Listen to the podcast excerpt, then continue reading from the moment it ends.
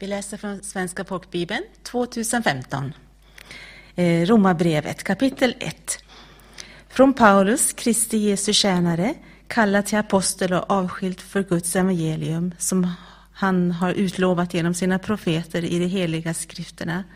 Evangeliet handlar om hans son som till sin mänskliga natur är född av Davids ett och som genom helighetens ande med kraft har bevisats vara Guds son efter uppståndelsen från de döda.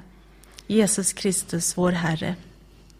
Genom honom har vi fått nåd och apostlaämbete för att föra människor av alla folk till trons lydnad för hans namns skull. Bland dessa är också ni som är kallade att tillhöra Jesus Kristus. Jag älskar er alla Guds älskare som bor i Rom, hans kallade och heliga. Nåd vare med er och frid från Gud, vår far och Herren Jesus Kristus. Först och främst tackar jag min Gud genom Jesus Kristus för er alla, eftersom man i hela världen talar om er tro. Gud som jag tjänar i min ande när jag förkunnar evangeliet om hans son är vittne till hur jag ständigt nämner er i mina böner och alltid ber om att nu äntligen få möjlighet att komma till er, om Gud vill. Jag längtar efter att få träffa er och dela med mig om någon andlig gåva åt er så att ni blir styrkta. Alltså att vi tillsammans ska få hämta uppmuntran ur vår gemensamma tro, er och min. Bröder, jag vill att ni ska veta att jag många gånger har bestämt mig för att komma till er och skörda någon frukt bland er, liksom bland andra folk, men hittills har jag varit förhindrad. Jag har skyldigheter både mot greker och barbarer, både mot lärda och olärda. Därför är det min önskan att få predika evangeliet också för er i Rom. Jag skäms inte för evangeliet. Det är en Guds kraft till frälsning för var och en som tror. Juden först, men också greken. I evangeliet uppenbaras rättfärdighet från Gud, av tro till tro, som det står skrivet. Den rättfärdige ska leva av tro. Guds vrede uppenbaras från himlen över alla ogudaktig, över all ogudaktighet och orättfärdighet hos människor som i orättfärdighet undertrycker sanningen. Det man kan veta om Gud är uppenbart bland dem eftersom Gud har uppenbarat det för dem. Ända från världens skapelse syns och uppfattas hans osynliga egenskaper, hans eviga makt och gudomliga natur genom det verk han har skapat. Därför är du utan ursäkt. Trots att de kände till Gud prisade de honom inte som Gud eller tackade honom utan de förblindades av sina falska föreställningar så att mörkret sänkte sig över deras oförståndiga hjärtan.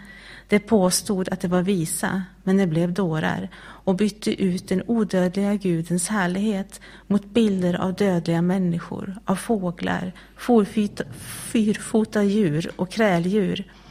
Därför utlämnade Gud dem åt deras hjärtans begär så att de orenade och förnedrade, förnedrade sina kroppar med varandra. De bytte ut Guds sanning mot lögnen och dyrkade och tjänade det skapade istället för skaparen, han som är välsignad i evighet. Amen. Därför utelämnade Gud dem åt förnedrande lidelser. Deras kvinnor bytte ut det naturliga umgänget mot det som är onaturligt. På samma sätt lämnade männen det naturliga umgänget med kvinnan och upptändes av begär till varandra.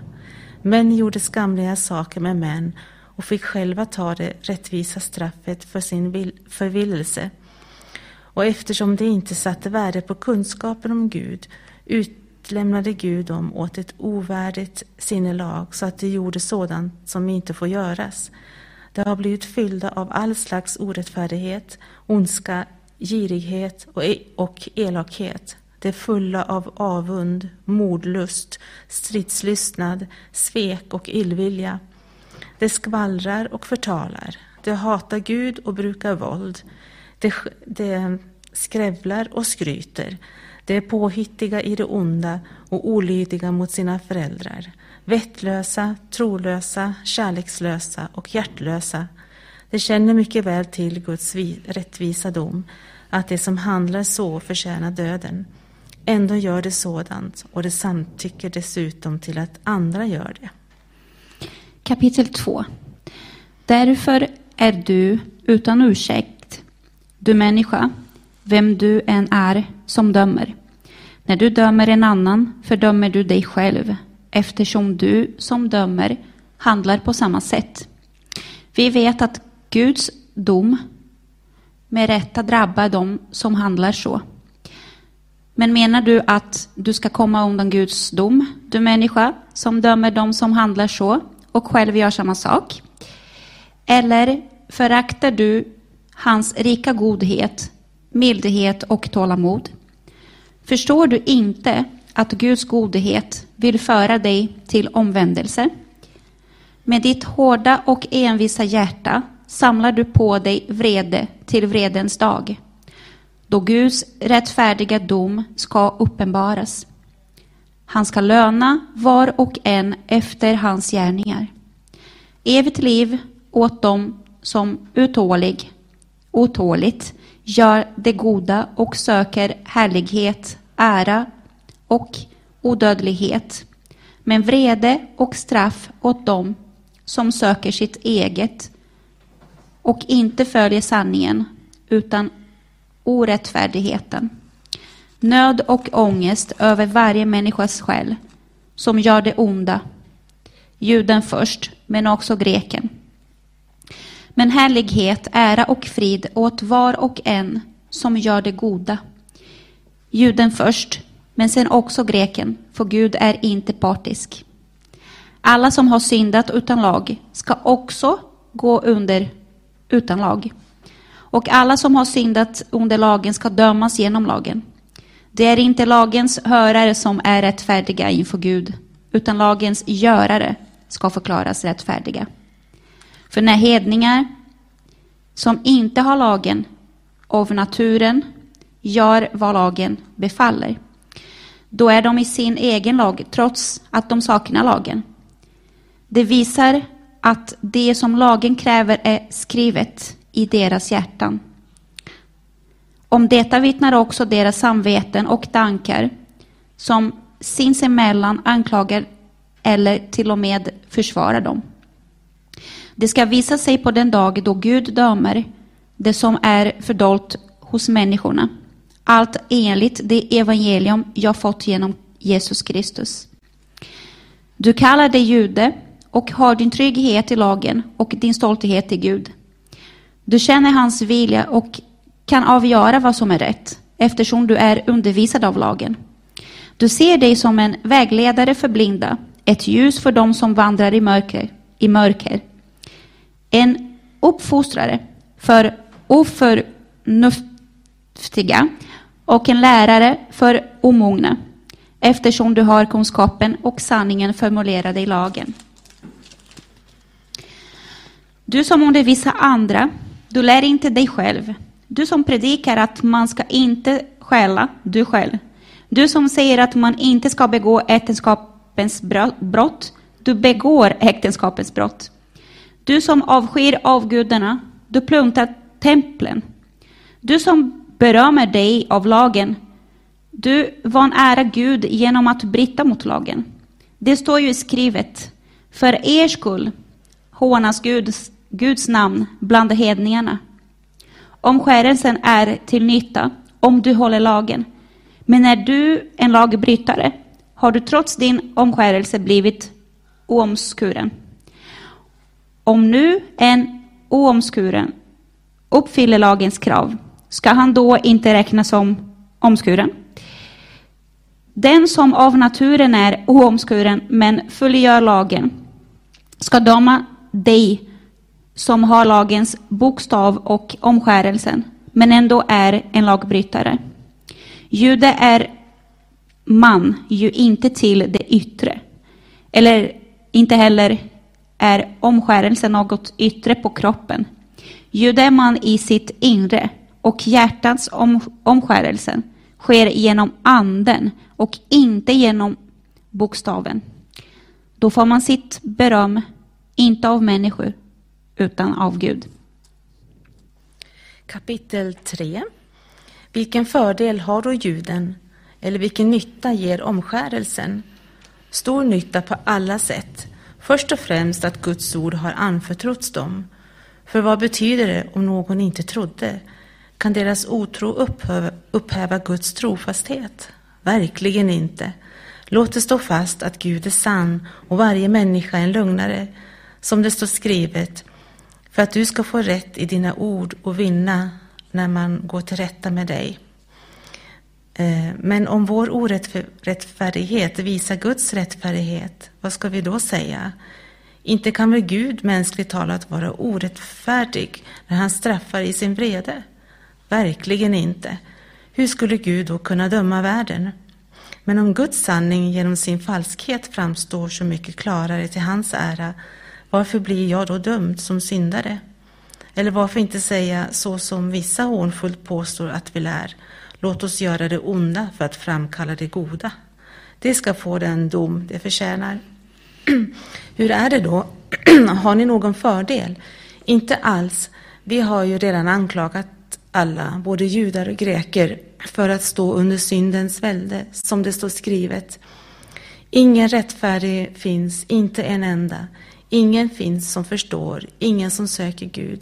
Alla har avfallit, alla är fördärvade. Ingen finns som gör det goda, inte en enda. Deras strupe är en öppen grav, sina tungor använder de till svek. De har huggormsgift bakom sina läppar. Deras mun är full av förbannelse och bitterhet. Deras fötter är snabba till att spilla blod. Förödelse och elände råder på deras vägar och fridens väg känner de inte. De har ingen gudsfruktan för ögonen. Men vi vet att allt som lagen säger är riktat till den som står under lagen för att varje mun ska tystas och hela världen stå skyldig inför Gud. Ingen människa förklaras rättfärdig inför honom genom laggärningar. Vad som ges genom lagen är insikt om synd. Men nu har det uppenbarats en rättfärdighet från Gud utan lag, en som lagen och profeterna vittnar om, en rättfärdighet från Gud genom tro på Jesus Kristus för alla som tror. Här finns ingen skillnad.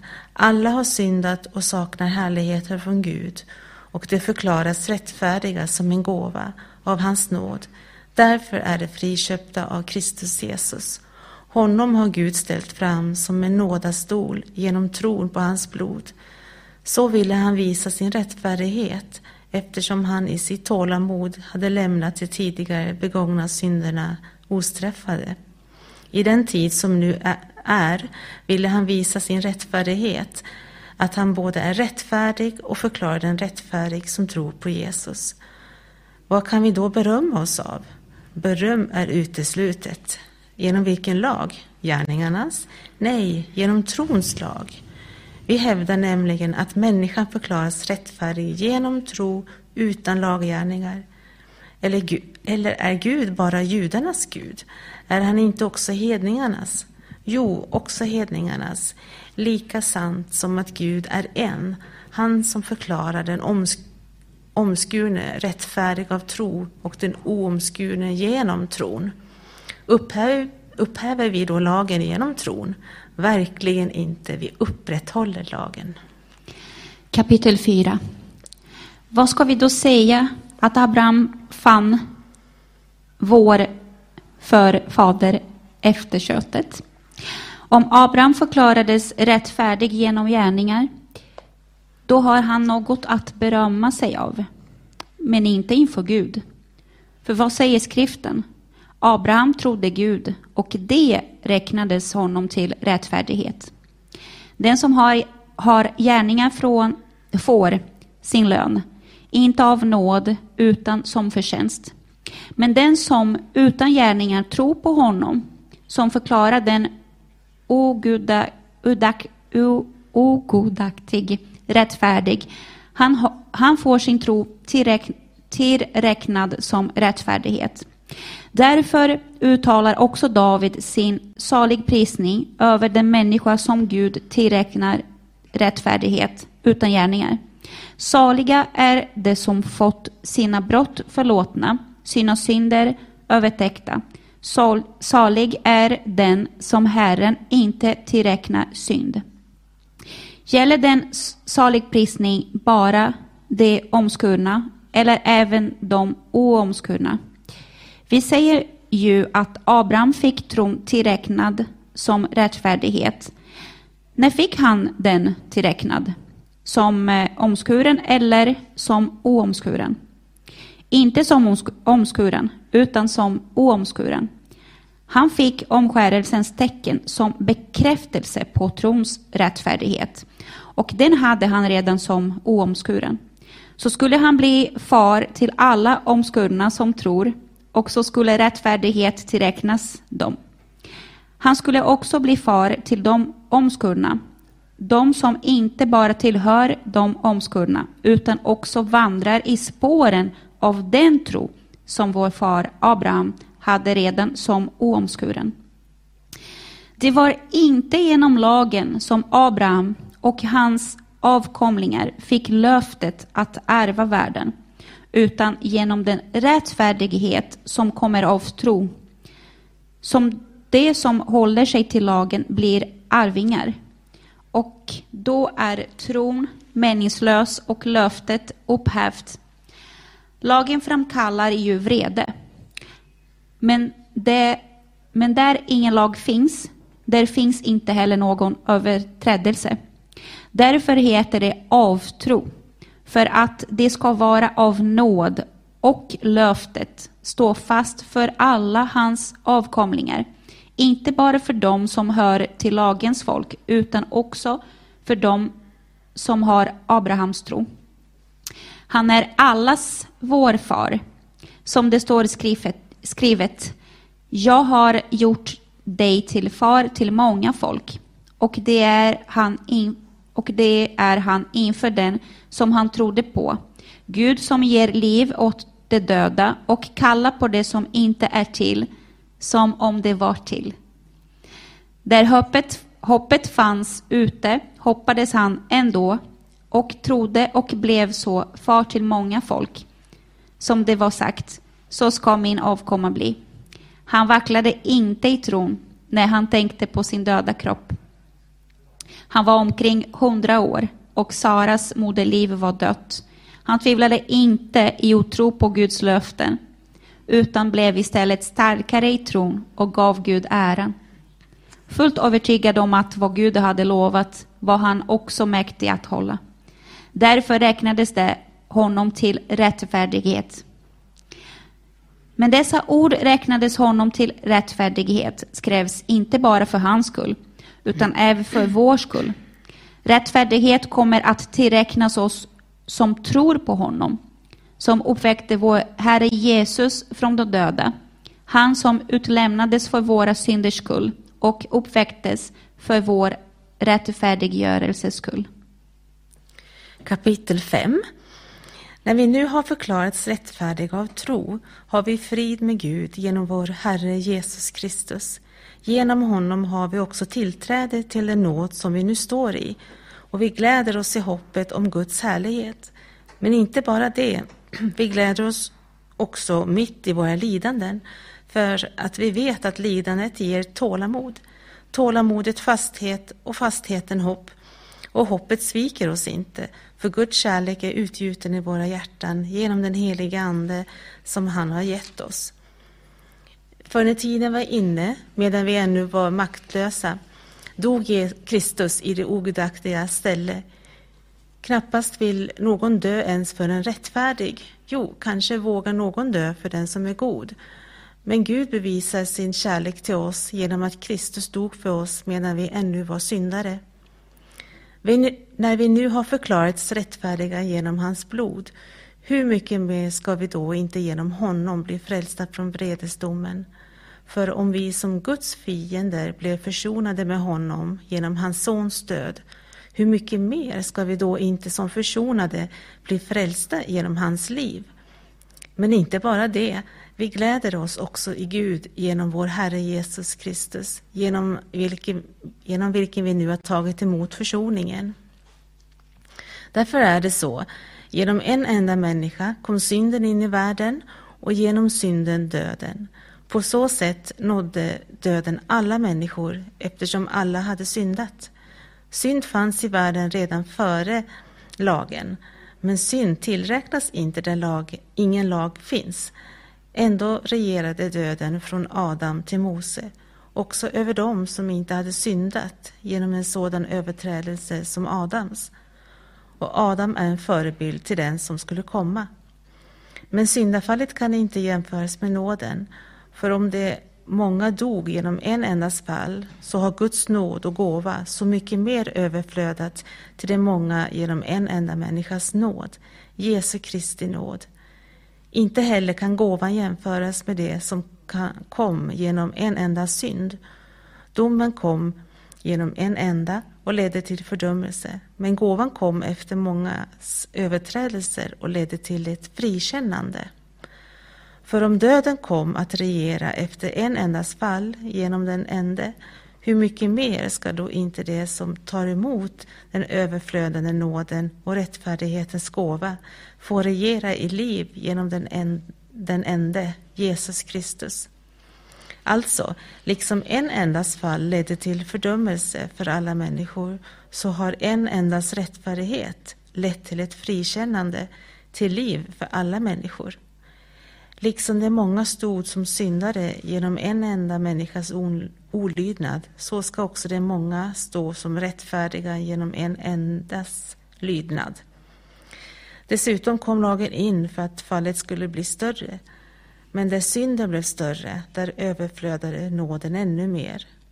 Liksom synden re regerar genom döden, så skulle också nåden regera genom rättfärdigheten och ge evigt liv genom Jesus Kristus, vår Herre.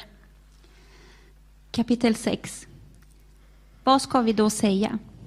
Ska vi bli kvar i synden så att nåden blir större? Verkligen inte. Vi som har dött bort från synden, hur skulle vi kunna fortsätta leva i den? Eller vet ni inte att alla vi som är döpta till, till Kristus Jesus är döpta till hans död? Vi är begravda med honom genom dopet till döden för att leva det nya livet, liksom Kristus är uppväckt från de döda genom Faderns härlighet. För om vi är förenade med honom i en död som hans, ska vi också vara det i en uppståndelse som hans. Vi vet att vår gamla människa har blivit korsfast med Jesus, med Kristus, för att syndens kropp ska berövas berövas sin makt, så att vi inte längre är slavar utan synden, under synden. Den som är död är förklarad fri från synden. Har vi nu dött med Kristus tror vi att vi också ska leva med honom.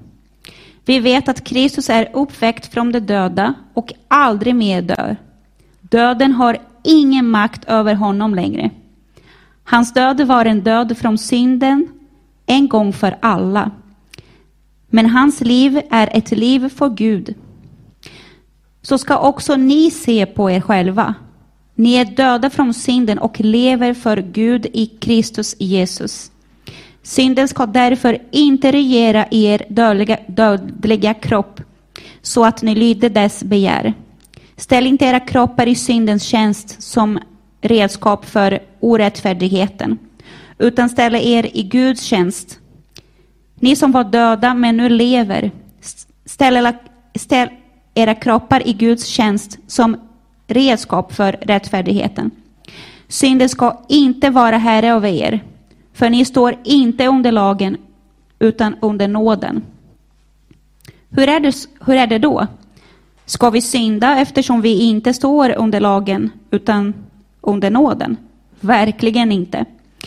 Vet ni inte att om ni ställer er som slavar under någon och lyder honom, då är ni hans slavar, och det är honom ni lyder.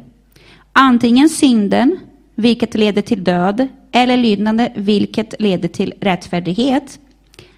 Men Gud, tack, eh, vare tack. Ni var slavar under synden, men nu har ni av hjärtat börjat lyda den lära som ni blivit överlämnade åt. Nu är ni befriade från synden och slav, slavar hos rättfärdigheten. Jag använder en enkel bild för er mänskliga svag, svaghets skull, så som ni förr ställde era kroppar i orenhets och laglöshetens tjänst till laglöshet så ska ni nu ställa era kroppar i rättfärdighetens tjänst till helgelse. När ni var slavar under synden var ni fria från rättfärdigheten. Men vad fick ni då för frukt? Sådant som ni nu skäms över, eftersom det slutar i döden. Men nu, när ni är befriade från synden och slavar hos Gud, får ni helgelse som frukt och till slut evigt liv. Syndens lön är döden, men Guds gåva är evigt liv i Kristus Jesus, vår Herre. Kapitel 7 Eller vet ni inte, bröder, jag talar till sådana som känner lagen, att lagen råder över människan så länge hon lever. En gift kvinna är genom lagen bunden vid sin man så länge hon lever. Men om mannen dör är hon fri från den lag som band henne vid mannen. Om hon ger sig åt en annan man medan hennes man lever kallas hon alltså äktenskapsbryterska. Men om mannen dör är hon fri från lagen och då är hon, är hon ingen äktenskapsbryterska som hon ger sig om hon ger sig åt en annan man.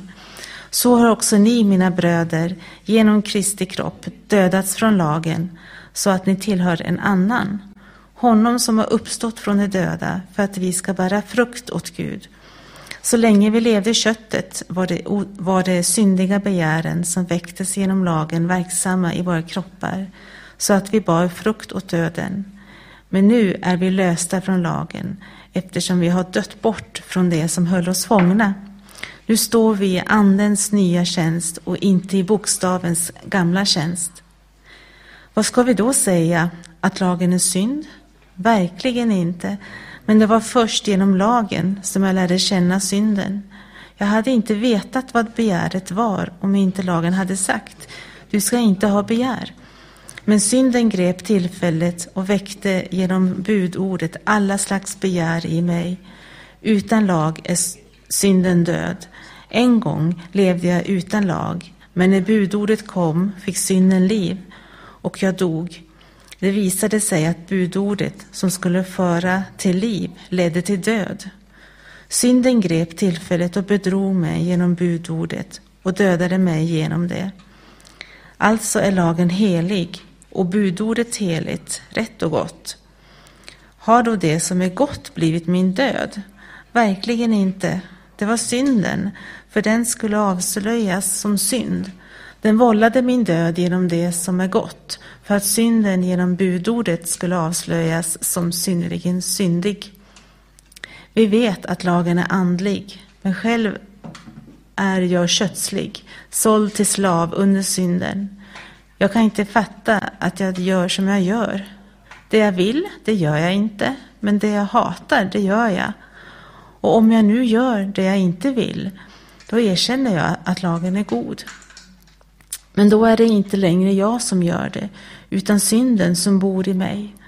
Jag vet att det inte bor något gott i mig, det vill säga i mitt kött. Viljan finns hos mig, men inte förmågan att göra det goda. Det goda som jag vill gör jag inte, men det onda som jag inte vill, det gör jag. Men om jag gör det jag inte vill, då är det inte längre jag som gör det, utan synden som bor i mig. Jag finner alltså den lagen för mig, jag finner alltså den lagen för mig som vill göra det goda, att det onda finns hos mig. I min inre människa gläder jag mig över Guds lag, men i mina lemmar ser jag en annan lag som kämpar mot lagen i mitt sinne och gör mig till fånge under sinnens lag i min kropp. Jag, arma människa, vem ska rädda mig från denna dödens kropp? Gud vare tack, genom Jesus Kristus vår Herre.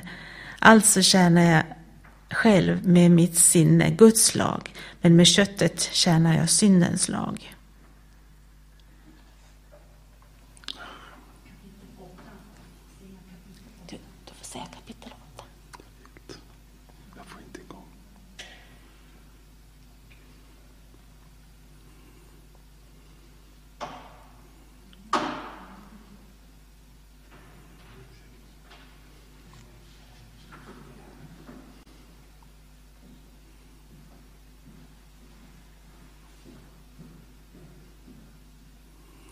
Kapitel 8.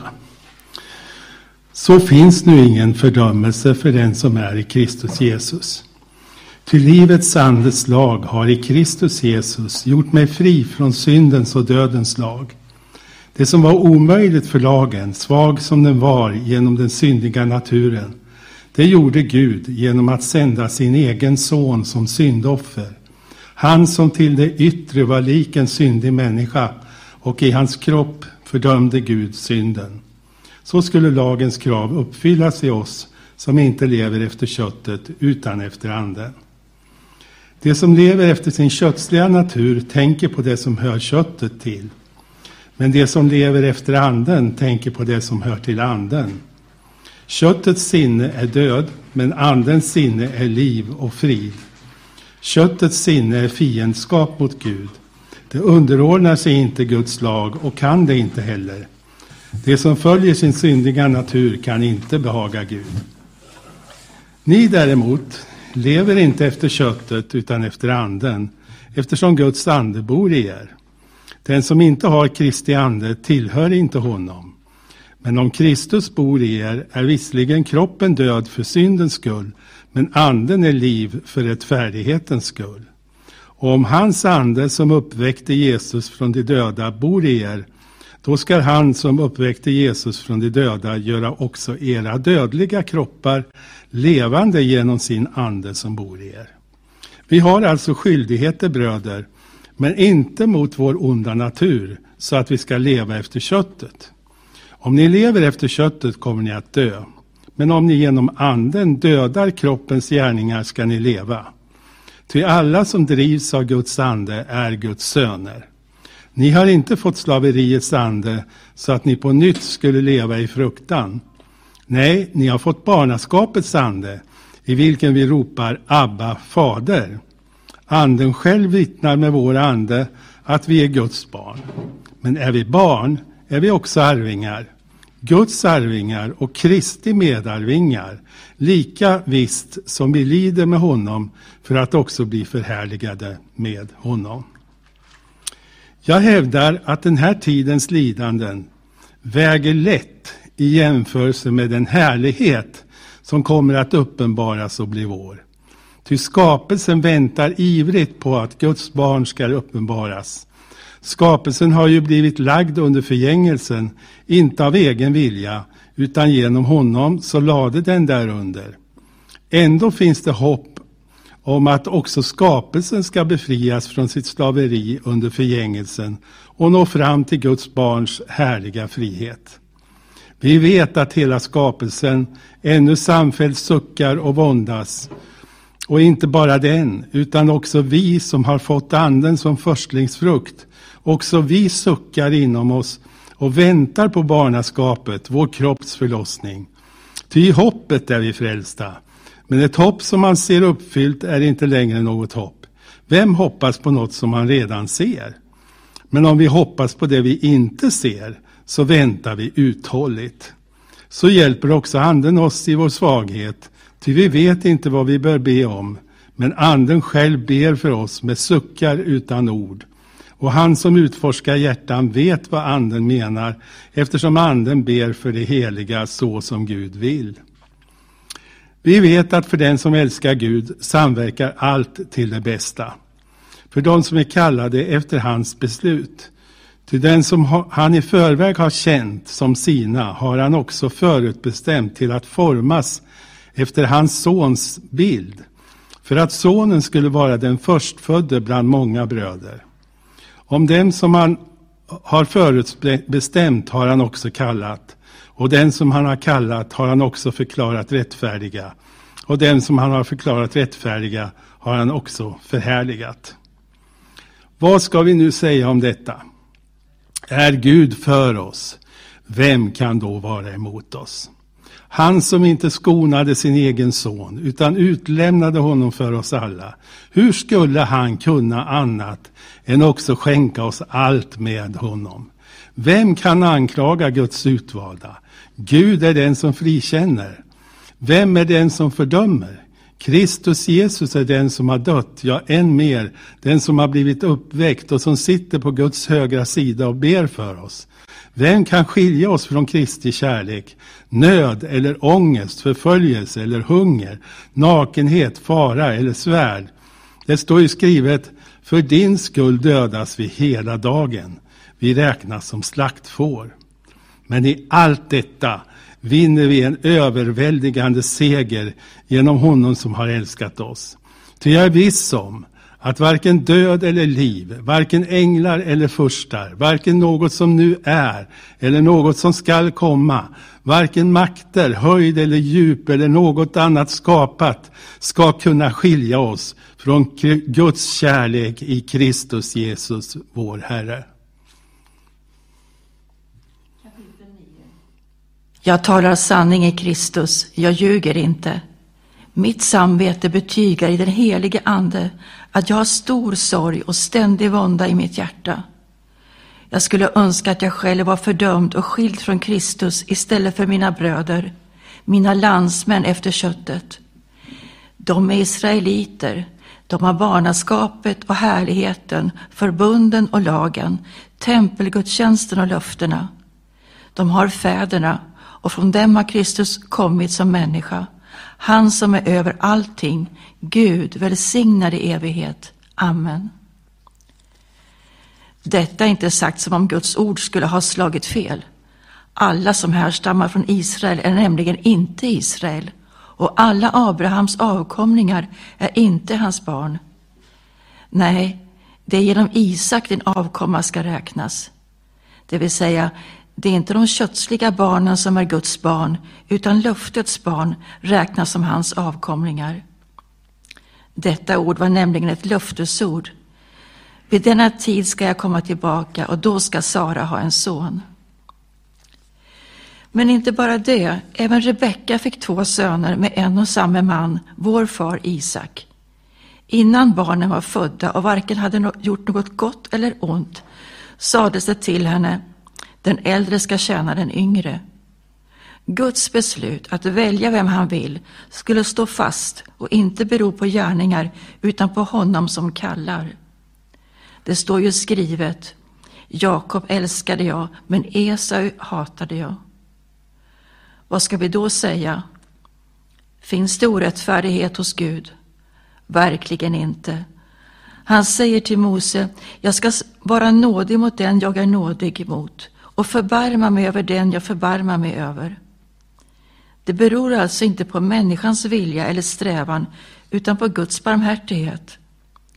Skriften säger ju till farao Just därför lät jag dig uppstå, för att visa min makt på dig och för att mitt namn skulle förkunnas över hela jorden.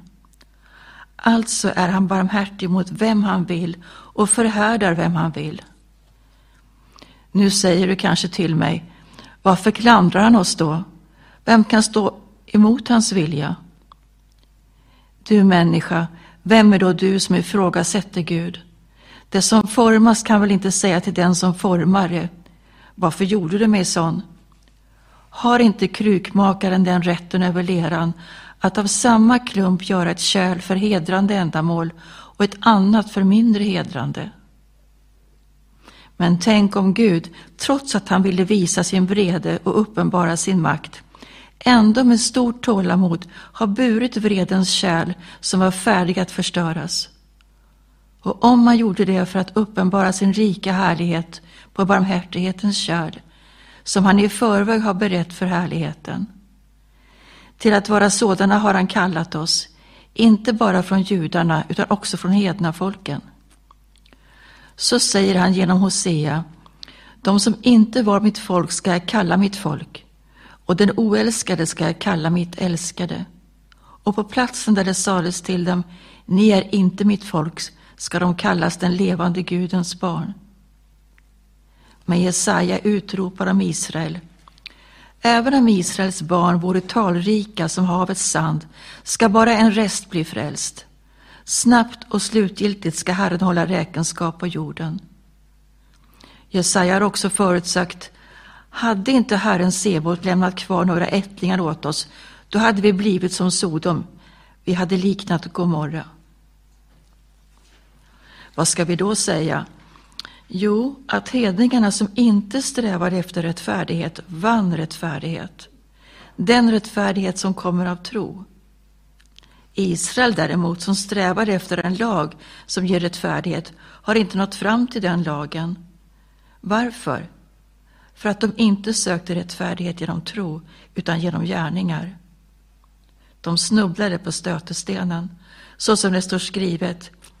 Se, jag lägger i Sion en stötesten och en klippa till fall, men den som tror på honom ska inte stå där med skam. Kapitel 10 Bröder, mitt hjärtas önskan och min bön till Gud för dem är att de ska bli frälsta. Jag kan vittna om att de hängivet tjänar Gud, men de saknar den rätta insikten. De känner inte rättfärdigheten från Gud, utan strävar efter att upprätta sin egen rättfärdighet och har inte underordnat sig rättfärdigheten från Gud. Ty Kristus är lagens slut till rättfärdighet för var och en som tror.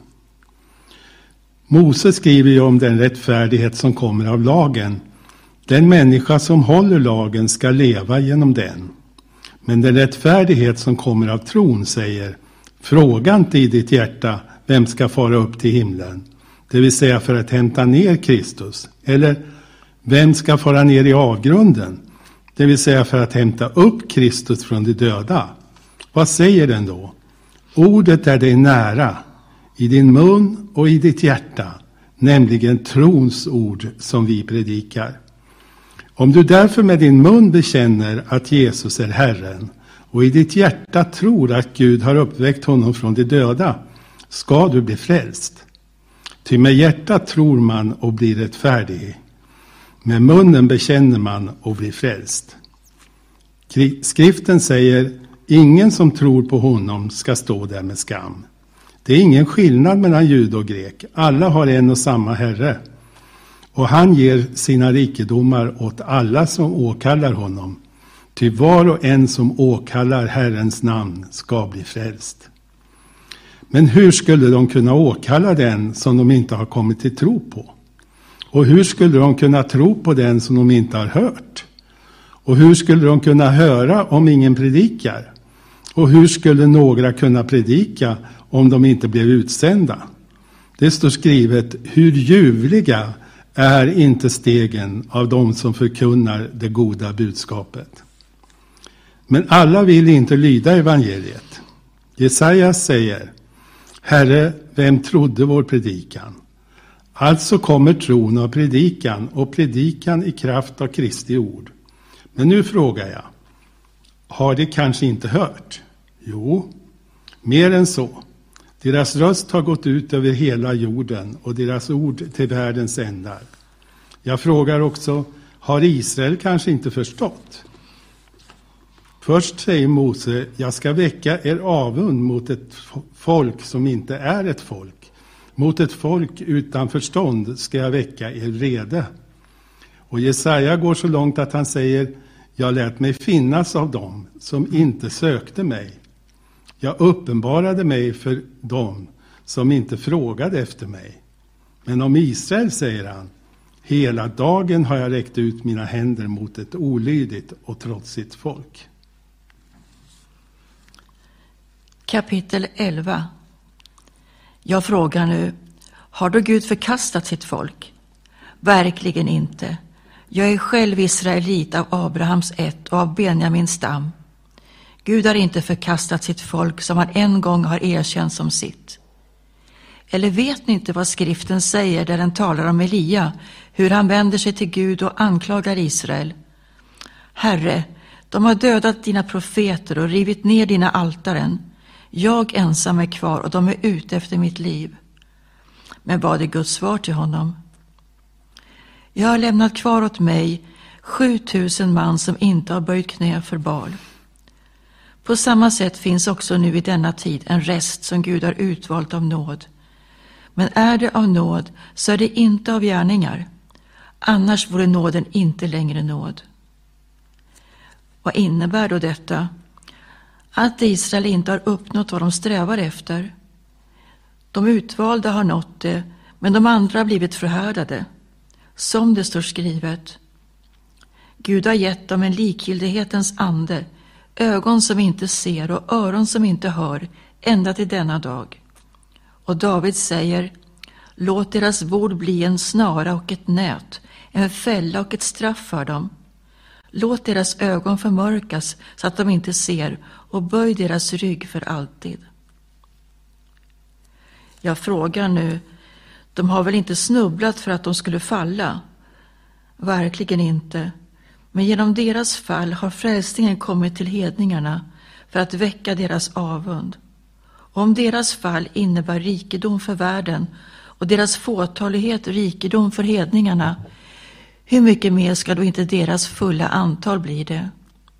Och till er hedningar säger jag, som hedningarnas apostel sätter jag mitt ämbete högt, i hopp om att väcka mina landsmäns avund och frälsa några av dem.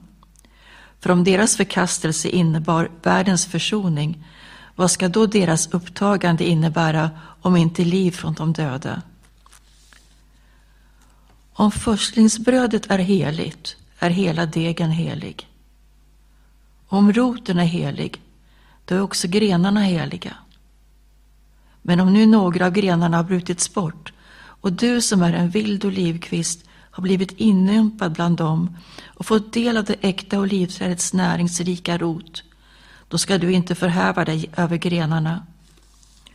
Om du förhäver dig ska du veta att det inte är du som bär roten, utan roten som bär dig. Nu invänder du kanske, grenarna bröts bort för att jag skulle ympas in. Ja, det stämmer, de bröts bort på grund av otro, men du är kvar genom tron. Var inte högmodig utan bäva.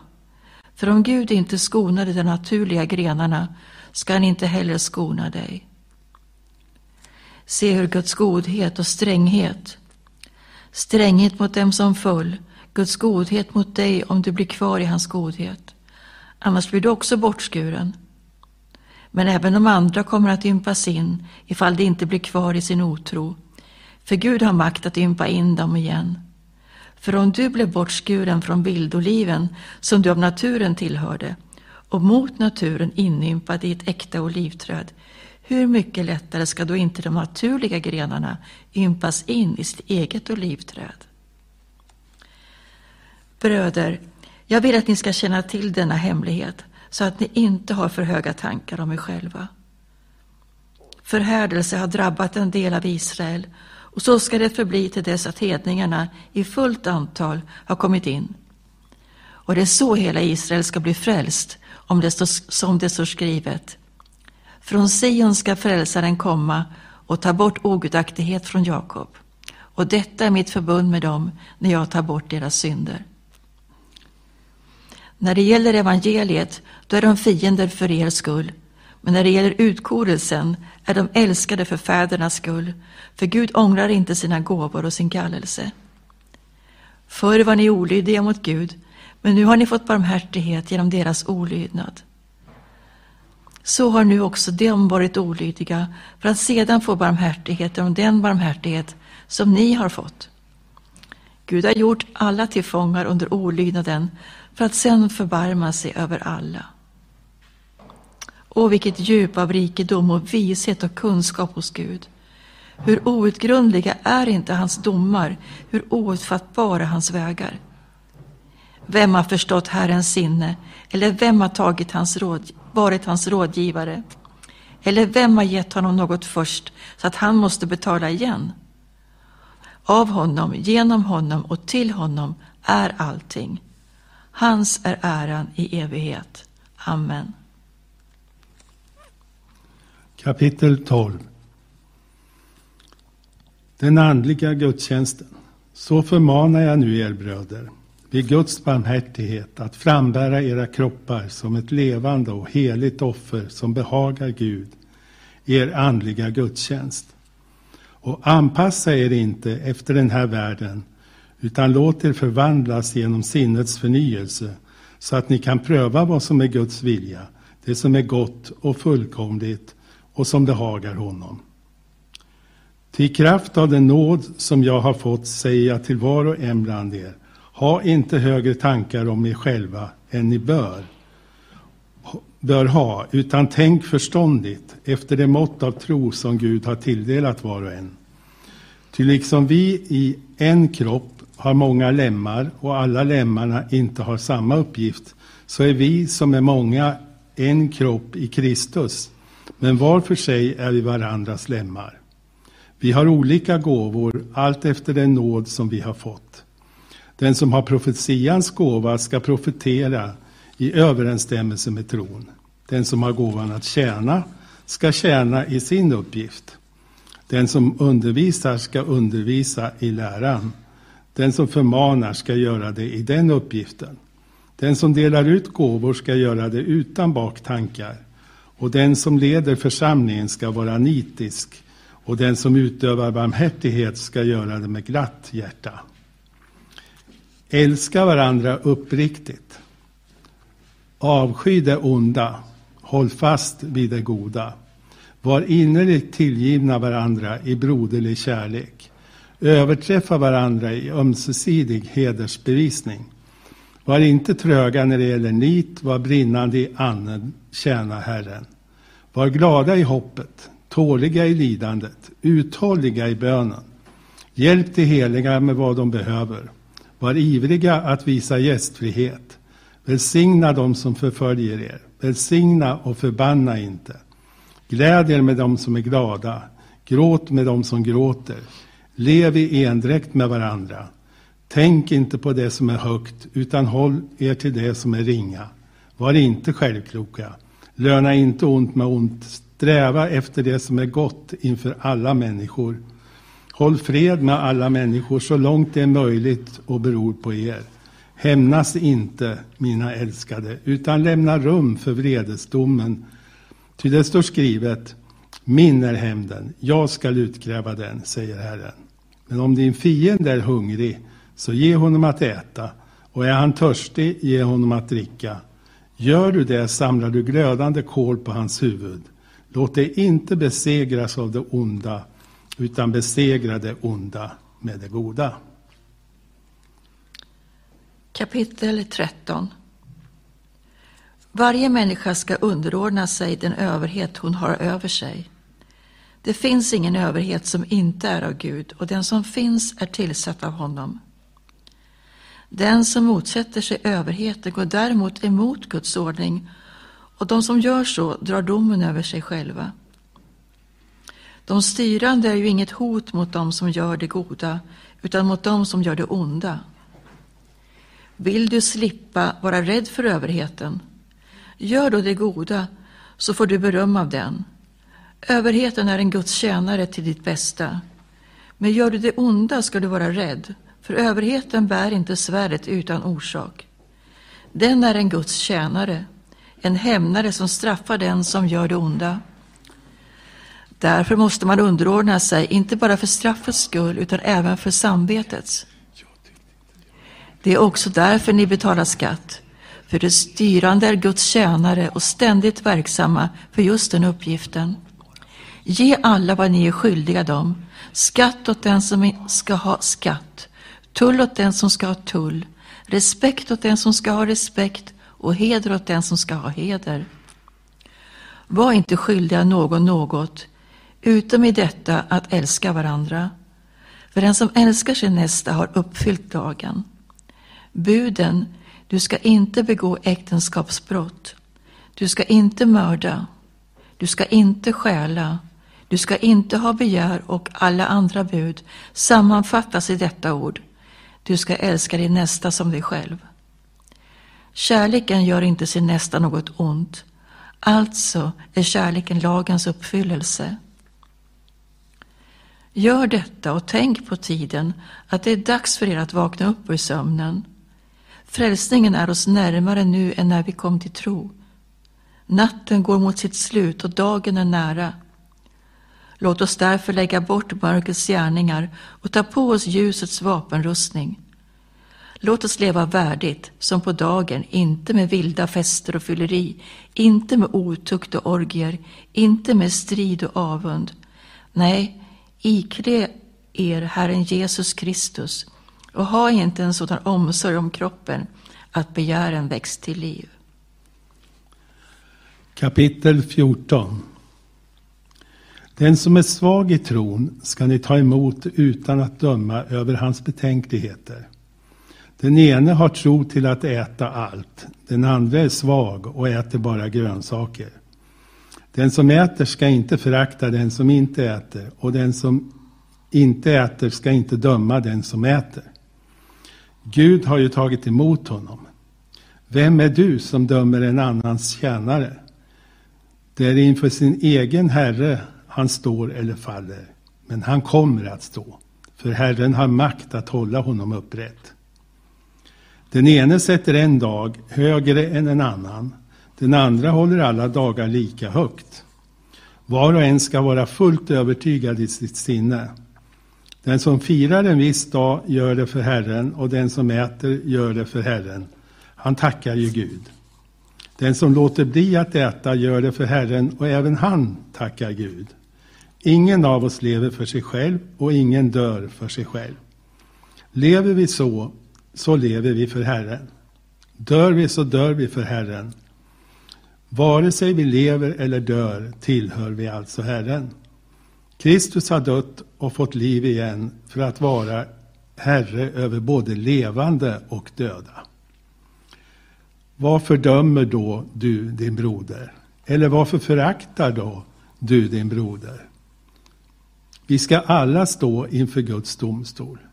Det står skrivet, så sant jag lever, säger Herren, för mig ska varje knä böjas och varje tunga ska prisa Gud. Alltså ska var och en av oss avlägga räkenskap inför Gud. Låt oss därför inte längre döma varandra. Bestäm er istället för att inte lägga hinder eller stötestenar i vägen för en broder. Jag vet och är i Herren Jesus övertygad om att ingenting är orent i sig självt. Men för den som betraktar det som orent blir det orent. Om din broder blir oroad av den mat du äter så lever du inte längre i kärleken. Låt inte din mat bli orsak till att den går, den går förlorad som Kristus har dött för. Låt därför inte det goda ni fått bli smädat. Guds rike är inte mat och dryck, utan rättfärdighet och frid och glädje i den helige Ande. Den som tjänar Kristus på det sättet behagar Gud och blir erkänd av människor. Låt oss därför sträva efter det som tjänar friden och den ömsesidiga uppbyggelsen. Riv inte ner Guds verk på grund av mat. Allt är visserligen rent, men maten blir till skada för den människa som har betänkligheter när hon äter. Det är bättre att avstå från att äta kött eller dricka vin eller göra något annat som din broder tar anstöt av. Den tro som du har ska du behålla för dig själv, inför Gud. Salig är den som inte måste döma sig själv för det som han väljer. Men den som har betänkligheter och ändå äter är dömd eftersom det inte sker av tro. Allt som inte sker av tro är synd. Kapitel 15 Vi som är starka är skyldiga att bära de svaga svagheter och inte tjäna oss själva. Var och en av oss ska tjäna sin nästa till hans bästa och hans uppbyggelse.